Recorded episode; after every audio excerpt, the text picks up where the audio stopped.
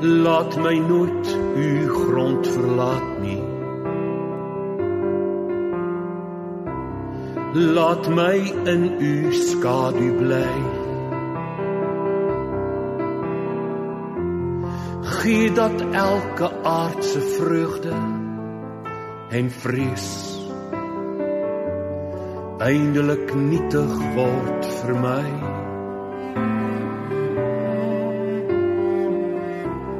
Elke afdraai paadjie ken ek. Elke keer het ek verdwaal. Elke keer het u my iewers kom haal. Maak dit hier die laaste maal. Die dood is nie iets waaroor ons graag praat nie. Ons eie onsterflikheid. Ons vrees vir die dood of gemaklikheid daarmee is iets wat ons liefs in ons diepste hartskamers wegbere. Maar elkeen van ons het al in een of ander stadium 'n geliefde aan die dood afgestaan. En dikwels ruk die seer daarvan ons uitmekaar.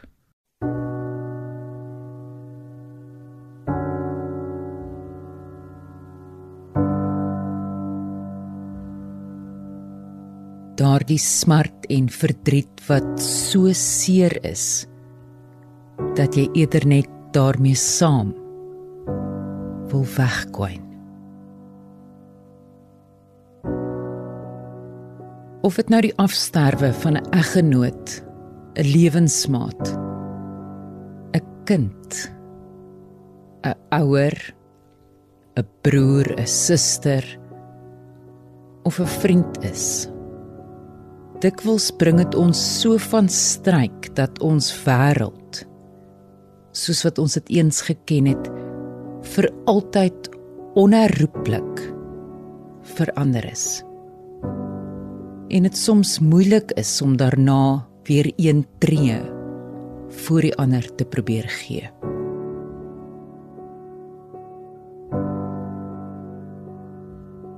In hierdie nuwe lewe moet jy dikwels leer om sin te maak uit 'n lewe wat vir jou geen sin meer het nie. En om te kan voortbeur, moet jy gaan hoop vind uit wanhoop. Jou wanhoop. Uit die swartste modder groei die witste lelie. Maar ons is net mense en verlies verniel ons en laat ons dikwels vasval in die modder en die maalkolke van wat ons lewens raak.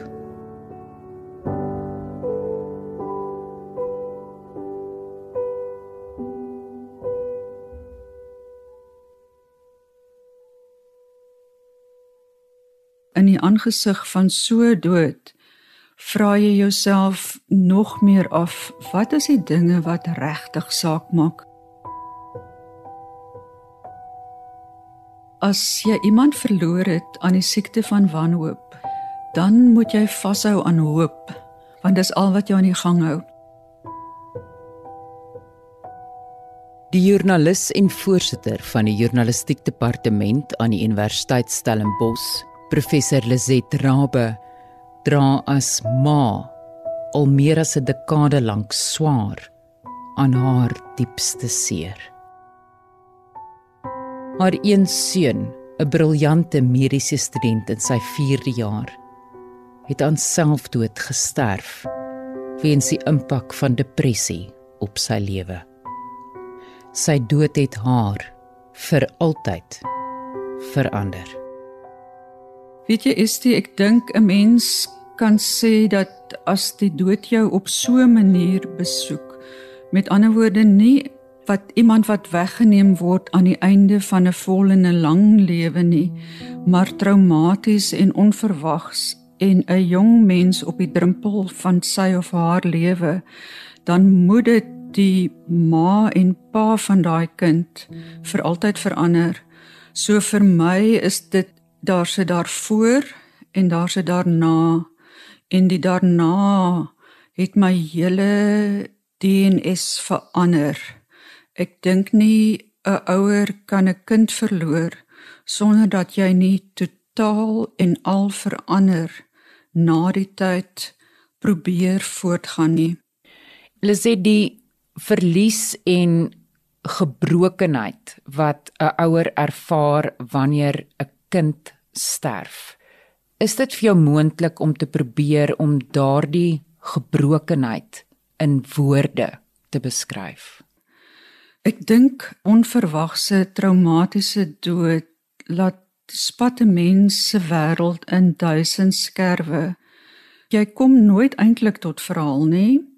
Jy vang so nou en dan dalk effens 'n bietjie meer suurstof op deur stadiger asemhaal, maar jy herwaardeer alles. Jy bevraagteken alles terwyl jy vir jouself sê, maar voorheen het jy eintlik ook so gelewe en jy het ook probeer om saggies te loop en met deernis met die lewe om te gaan. Maar na so iets met jou gebeur het, probeer jy baie sagter trap en waar jy tussen die skerwe sit, probeer jy herwaardeer wat is nodig vir die lewe wat voor jou lê, maar nou in die aangesig van so dood vra jy jouself nog meer af hoe kan ons 'n lewe van deernis lewe om mense wat swaar kry se las ligter te maak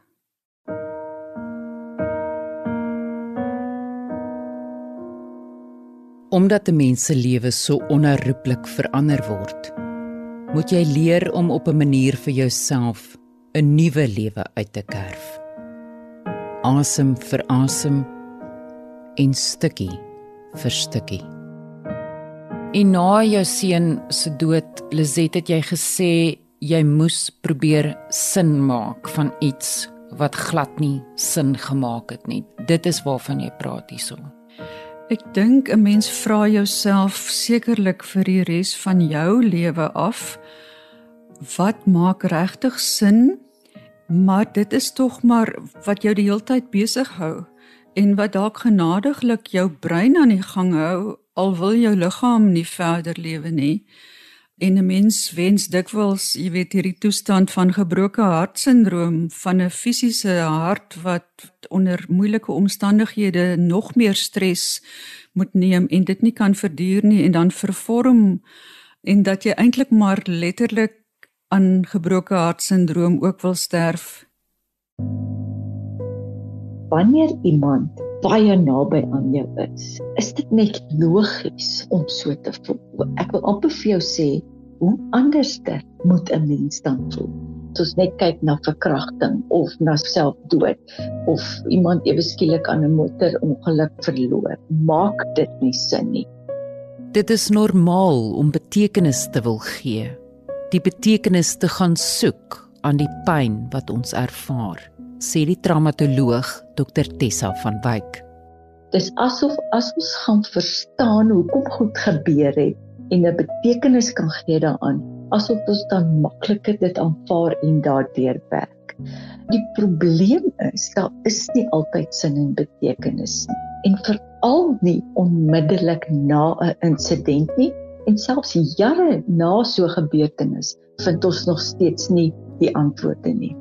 Want as jy byvoorbeeld jou hand vat wat 'n een eenheid is en jy kap jou duim af, is daar 'n gat, daar's 'n leemte. En ja, jy gaan weer sonder daai duim éventueel kan leer om jou hand te gebruik en te kan funksioneer.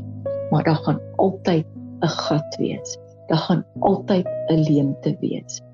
En 'n ding van iemand so naby aan jou en ek kan net dink hoe dit moet wees om jou kind aan wie jy geboorte gegee het. Hulle sê mos daar is niks soos 'n ouer liefde nie. Hoe dit moet voel nie. En een van die goed wat ons miskyk is ons gaan deur die rouproses, ons hanteer dit, ons herstruktureer, maar die mis, die verlang na daai persoon gaan nooit weg nie.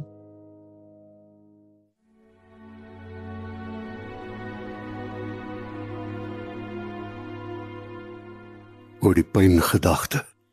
My kind is dood. Dit brand soos 'n pyl in my. Die mense sien daar niks nie van en die Here alleen, die weet wat ek ly. Die dae kom en die nagte gaan. Die skadu's word lank en weer kort. Die drywer stem van my werk weer klink en ek gaan op my kruisweg voort.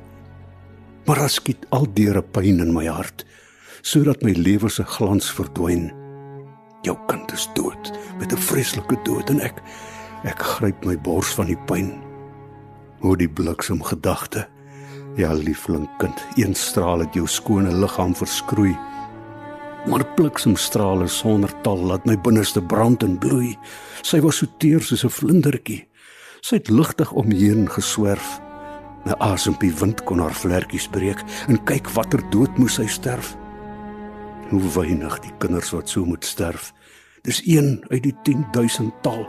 En ag, dat dit sy was en ek moes sien dat sy dood in my arms val.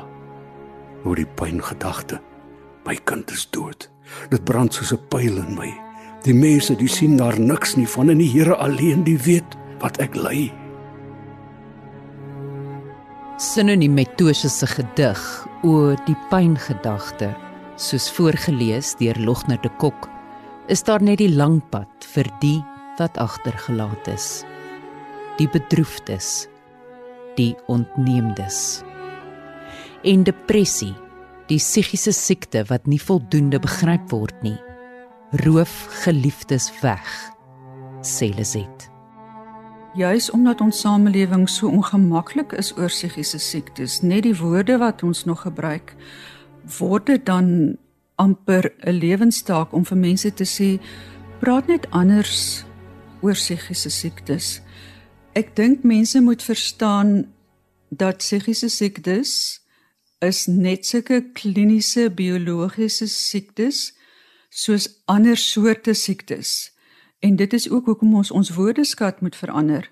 Ons moet praat van depressie, die verskillende soorte angsstoornisse, alles verder op daai hele kontinuum van psigiese siektes moet ons anders na kyk en ons moet dit normaliseer en vermenslik en vir mense laat verstaan moenie stil bly nie. As jy stil bly gaan dit nie weg nie. Dit gaan net erger raak soos enige ander siekte toestand Dis die stigma wat aan depressie bly kleef en oordeel wat so slaafs gevel word deur mense in die samelewing wat min of geen begrip het dat dit wel 'n psigiese kliniese siekte is nie wat leiers dikwels laat stil bly en terugduins sê Tessa. Ons as mens word groot met 'n idee. Ons wil nie hê iemand moet dink ons is swak nie. Ons wil nie hê mense moet dink ons is 'n bietjie af nie of ons is pateties nie. En dit is ongelukkig die stigma of die persepsies wat kleef en wat daar bestaan van iemand wat 'n psigiese siekte soos depressie. En baie keer weet die persoon wat die depressiewe simptome ervaar nie dalk dat hulle depressief is nie. Hulle ervaar net hierdie emosie van swakheid. Ek kan nie opstaan nie. Ek kan nie vorentoe gaan nie. Almal is gelukkig en lag en ek ervaar dit nie. Maar hulle kan nie die naam depressie daaraan heg nie. As gevolg van onkunde ook. En dit maak dit soveel erger want dan steek hulle dit juist nou weg. Ek dink omdat daar so 'n stigma is rondom psigiese siektes en die stilte so oorverdowend is, is mense huiwerig om by hulle self te sê maar iets is verkeerd. Jy sou nie die simptome van suikersiekte of so iets geïgnoreer het nie, want hulle gaan nie van self weg nie. Die siekte gaan erger word. Dit is 'n kliniese toestand en 'n mens moet eerlik met jouself wees en ons moet regtig vir onsself sê ons lewe in die 21ste eeu. Ons moet meer openlik wees oor siektes waaroor daar so lank oor eeue godsdienstig kulturele taboes was. Godsdienstig kulturele stigma was. Ons moet dit verbreek.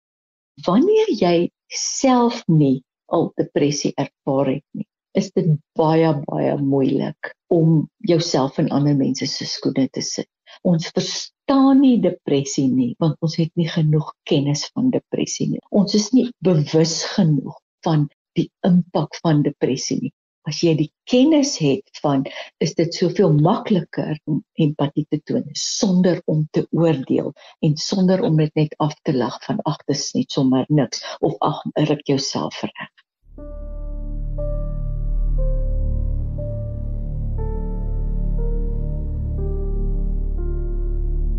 Depressie word in twee groepe verdeel kliniese depressie wat major en bipolêre depressie insluit en die siekte toestand is gewoonlik lewenslank en moet met medikasie behandel word omdat daar 'n chemiese wanbalans in die brein is.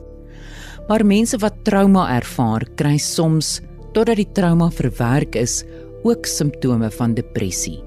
Dit word reaktiewe depressie genoem en kan dikwels net met terapie behandel word. Tessa, wat is die algemene simptome waarvoor 'n mens moet uitkyk? Baie belangrik wat ons vir mekaar moet sê. Depressie is nie 'n slegte bui nie. Dit is nie iets wat jy net onmiddellik kan sê, ag, ruk jouself reg, dis maar nou net 'n swakheid en dan gaan dit ewe skielik verdwyn nie. Dit is simptome soos aanhoudende hartseer wat bly daar's letterlik geen belangstelling in enige iets nie. Daai gevoel van hopeloosheid. Maak nie saak hoe mooi liedjie jy vir daai persoon speel nie. Maak nie saak hoe mooi die lenteblomme is nie. Baie selfverbyt en skuldgevoelens voel niks werd nie. Daar's 'n toename en 'n afname in eetlus. Slaap te min of te veel baie moeg en baie laag in energie en het net nie krag om uit die bed uit op te staan nie. Die selfmoordgedagtes, gewoonlik baie gevoelens van geïrriteerdheid en aggressie, sukkel om te konsentreer, sukkel om besluite te neem, hoofpynne en rusteloosheid. Bang en angs en huilerig is algemene simptome.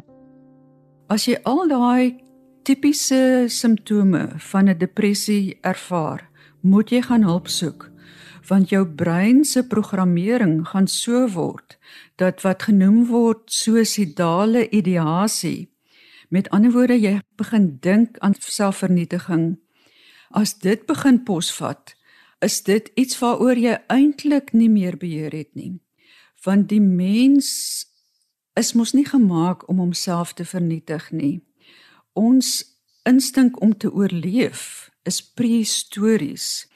En dit is hoekom ons nie moet praat asof depressie dood 'n besluit was wat deur die individu geneem is nie.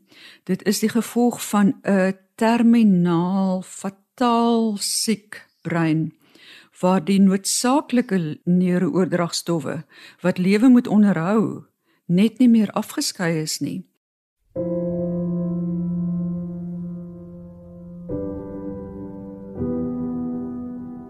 En wanneer 'n persoon homself by die afgrond van selfdood bevind, is die omdraaikans moeilik en bykans onmoontlik, sê Tessa. Wat ek agtergekom het uit die navorsing uit, almal kom by 'n plek van dood word hulle redder.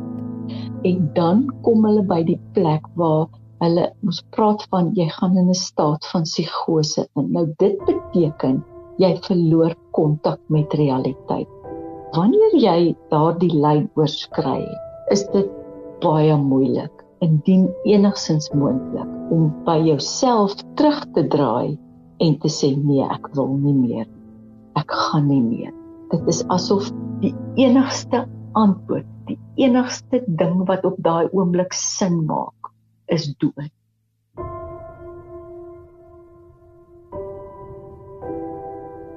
Lizet lê sterk klem daarop dat wanneer 'n persoon sy of haar lewe beëindig het weens depressie, die woorde wat ons gebruik om dit te beskryf vermenslik moet word.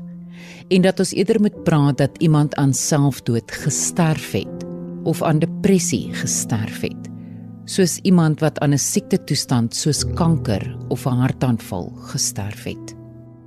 Daar's navorsers wat sê selfdood is die fatale stadium van 'n depressie wat dan nou tot op sy terminale stadium uh, gevorder het. Iemand sterf aan kanker. Net so sterf iemand aan depressie. Die formulering wat ek verkies dat ons die siekte wat die dood veroorsaak het, erken en daarmee ook die stilte en die stigma breek. Jy weet toe ek 'n jong joernalis was, het ons nie eers van die groot K woord kanker gepraat nie. Ons moes altyd geformuleer het in berigte as daar nou 'n bekende persoon gesterf het aan kanker. Die persoon is aan 'n ongeneeslike siekte oorlede, was die formulering gewoonlik. En mettertyd het ook die stigma rondom kanker verdwyn. En vandag kyk ons terug en ons kan ons glad nie voorstel dat kanker gestigmatiseer is nie. En net so moet ons met psigiese siektes maak dat daar 'n tyd gaan kom wat jy terugkom wat jy sê maar hoe kon mense nie daaroor gepraat het nie? Hoe kon hulle nie betyds agtergekom het iemand is besig om 'n depressie te ontwikkel nie?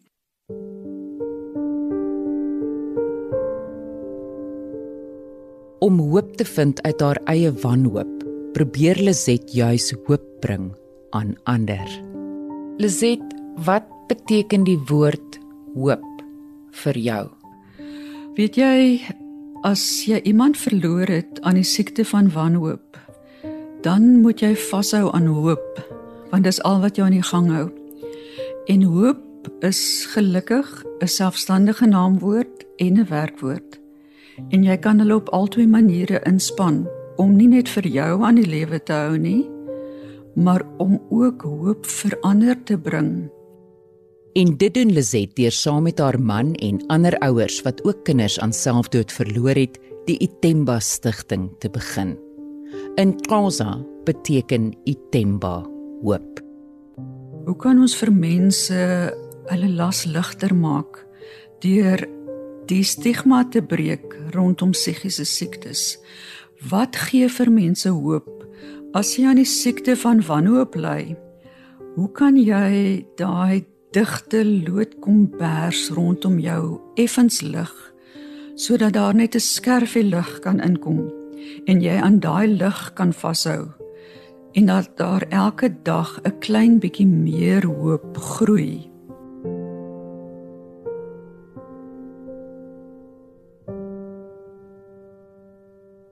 Deur middel van die stigting kweek hulle bewustheid vir depressie en word navorsing oor depressie gesteun deur middel van beurse wat toegeken word aan magister en PhD studente. As 'n persoon doelbewus deur die trauma werk en met die trauma deel en dit met die hulp van begeleiding positief aanwend, dan kan jy dit gebruik en sê dit word dan soos die Engelse praat van 'n post traumatic birth en dan is dit nie blywend nie.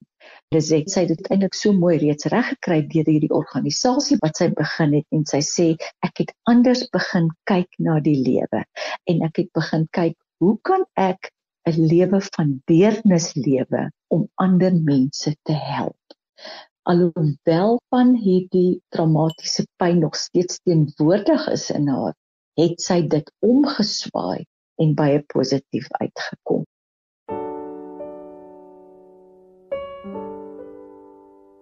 maar dit bly moeilik amper onmoontlik om die skerwe waarna mense wêreld gespat het weer bymekaar te vee.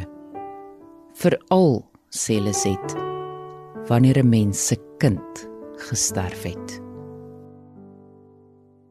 Weet jy is die ek dink seker omtrent elke dag die persoon wat gesê het tyd heel het nie 'n kind verloor nie. Tyd heel op ander maniere. As jy 'n ouer aan die dood afgestaan het wat oud geword het en 'n vol en 'n wonderlike lewe gelewe het, dan heel tyd dalk. Jy soek ander maniere van lewe Jy soek 'n ander vlak van lewe. En jy bekyk die lewe maar eintlik van 'n baie ver afstand af. Ek weet wel dat ouers wat kinders verloor het en veral kinders wat aan depressie gesterf het, ons kry nie die soort simpatie en medelee wat ek sien wat ouers wat kinders op ander maniere verloor het, kry nie, want ons samelewing kan net nie nog steeds nie met 'n depressie dood omgaan nie. Ons weet nie hoe om te praat nie. Ons weet nie hoe om te wys ons gee om nie. En dit is hoekom ek so klem lê op nuwe woorde, op 'n nuwe taal van hoe ons met ander mense se verdriet omgaan, want ek weet hoe swaar kry ander ouers wat hulle kinders aan depressie verloor het.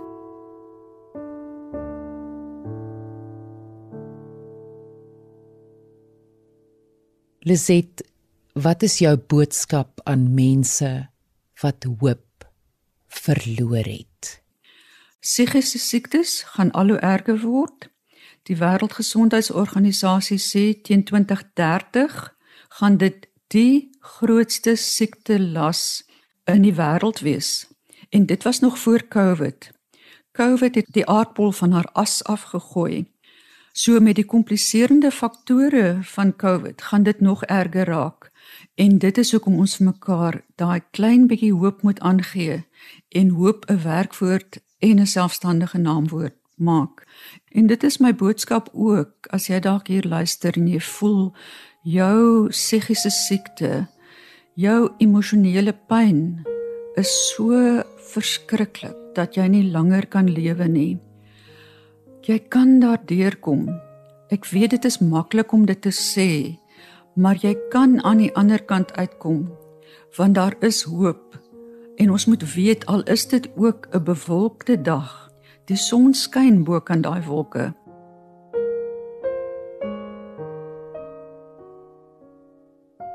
Uit die swartste modder is 'n reeks van 4 episodes wat jou op 'n reis neem van mense wat geliefdes aan die dood afgestaan en ander trauma beleef het en hoe hulle weer hoop vind uit daardie wanhoop. Vervaardig en aangebied deur my, Estie de Klerk, met klankontwerp deur Danny Boysen. In volgende week se episode van Uit die swartste modder. Dit is omtrent asof jy self 'n bietjie doodgaan op daai oomblik. Ek onthou my asemhaling wat korter geword het. My hele liggaam het van van sweet uitgeslaan. Dis is iets tussen vrees en angs en daar gaan 1010 gedagtes per sekonde deur jou kop. Die skrywer Dana Snyman se verloofde Anet Roberts neem haar eie lewe 2 maande voordat hulle sou trou. Dana sê hy het die tekens van haar innerlike seer misgekyk en het homself verlang daaroor kastei. Hy vertel van sy sabbatsreis om by genesing uit te kom.